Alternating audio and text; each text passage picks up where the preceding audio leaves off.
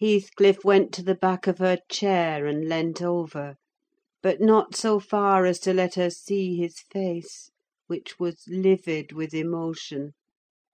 She bent round to look at him: he would not permit it.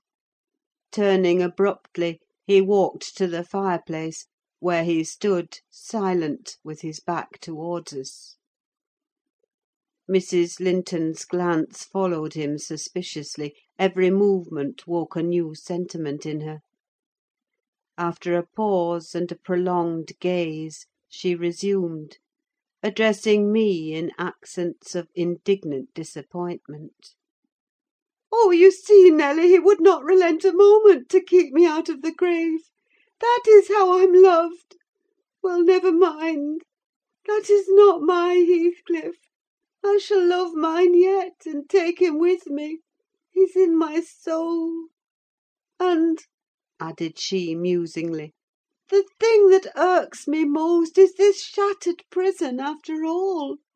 I'm tired of being enclosed here: I'm wearying to escape into that glorious world, and to be always there; not seeing it dimly through tears, and yearning for it through the walls of an aching heart, but really with it, and in it. Nelly, you think you are better and more fortunate than I: in full health and strength, you are sorry for me: very soon that will be altered: I shall be sorry for you. I shall be incomparably beyond and above you all. I wonder he won't be near me," she went on to herself. "I thought he wished it.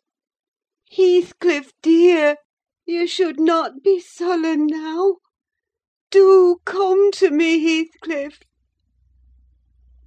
In her eagerness she rose and supported herself on the arm of the chair. At that earnest appeal he turned to her, looking absolutely desperate. His eyes, wide and wet, at last flashed fiercely on her; his breast heaved convulsively.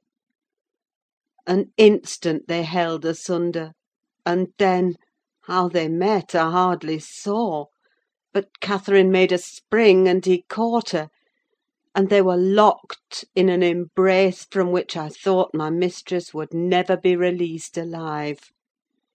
In fact, to my eyes, she seemed directly insensible.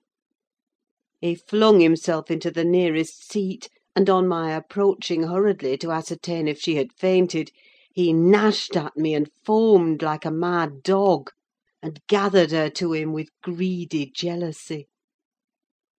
I did not feel as if I were in the company of a creature of my own species. It appeared that he would not understand though I spoke to him; so I stood off, and held my tongue, in great perplexity. A movement of Catherine's relieved me a little presently: she put up her hand to clasp his neck, and bring her cheek to his as he held her; while he, in return, covering her with frantic caresses, said wildly— "You teach me now how cruel you've been: cruel and false! Why did you despise me? Why did you betray your own heart, Cathy? I have not one word of comfort: you deserve this. You have killed yourself. Yes, you may kiss me, and cry, and wring out my kisses and tears: they'll blight you, they'll damn you! You loved me! Then what right had you to leave me? What right? Answer me, for the poor fancy you felt for Linton! Because misery, and degradation, and death, and nothing that God or Satan could inflict would have parted us, you, of your own will, did it. I have not broken your heart: you have broken it; and in breaking it you have broken mine. So much the worse for me that I am strong. Do I want to live? What kind of living will it be when you... Oh, God! Would you like to live with your soul in the grave?" "Let me alone! let me alone!" sobbed Catherine. "If I've done wrong, I'm dying for it. It is enough. You left me too, but I won't upbraid you. I forgive you. Forgive me!"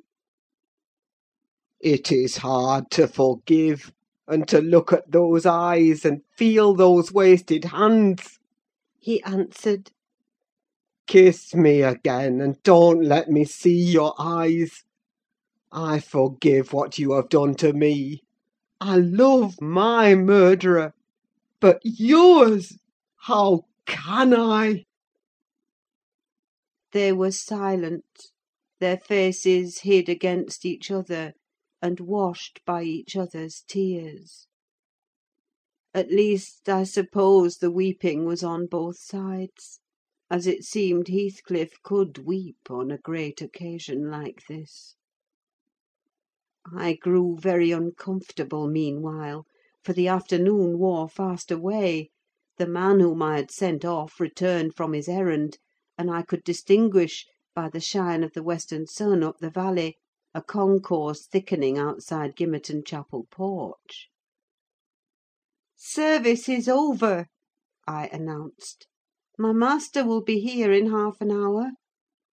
Heathcliff groaned a curse, and strained Catherine closer: she never moved. Ere long I perceived a group of the servants passing up the road towards the kitchen wing.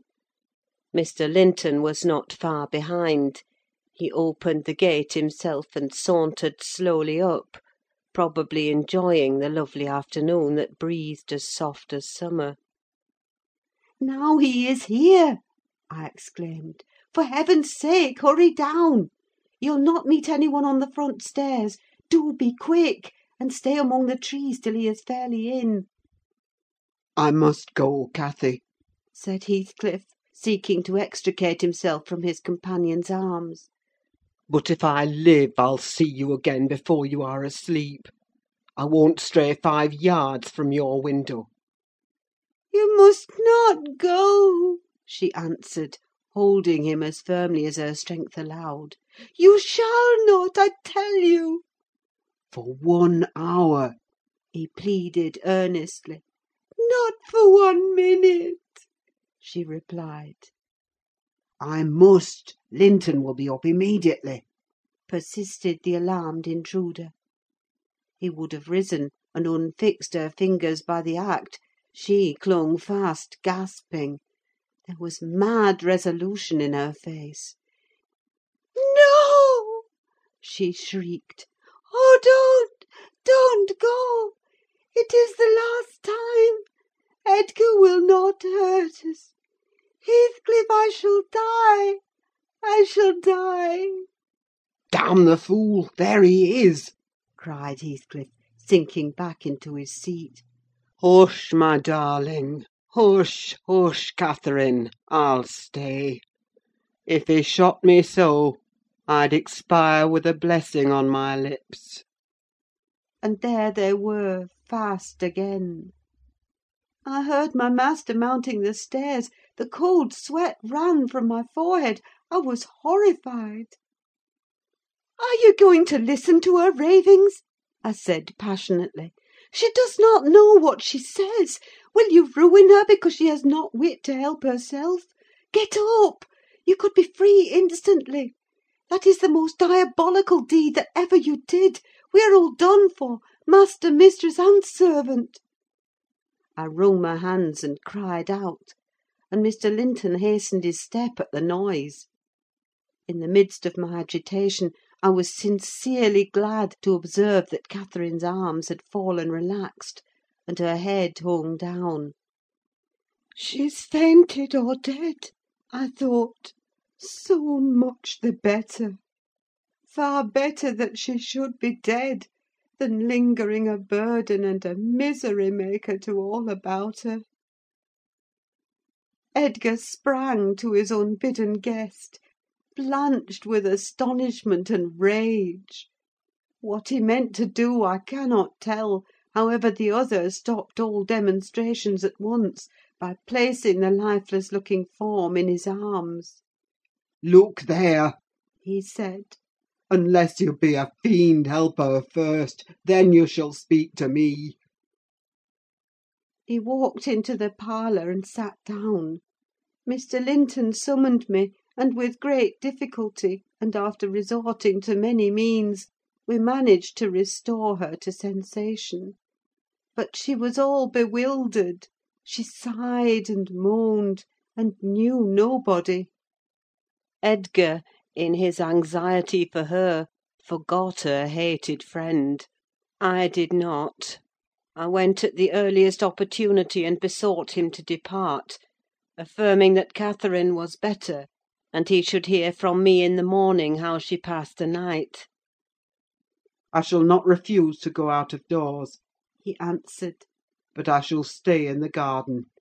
And, Nelly, mind you keep your word to morrow. I shall be under those larch trees. Mind! or I pay another visit, whether Linton be in or not." He sent a rapid glance through the half open door of the chamber, and ascertaining that what I stated was apparently true, delivered the house of his luckless presence.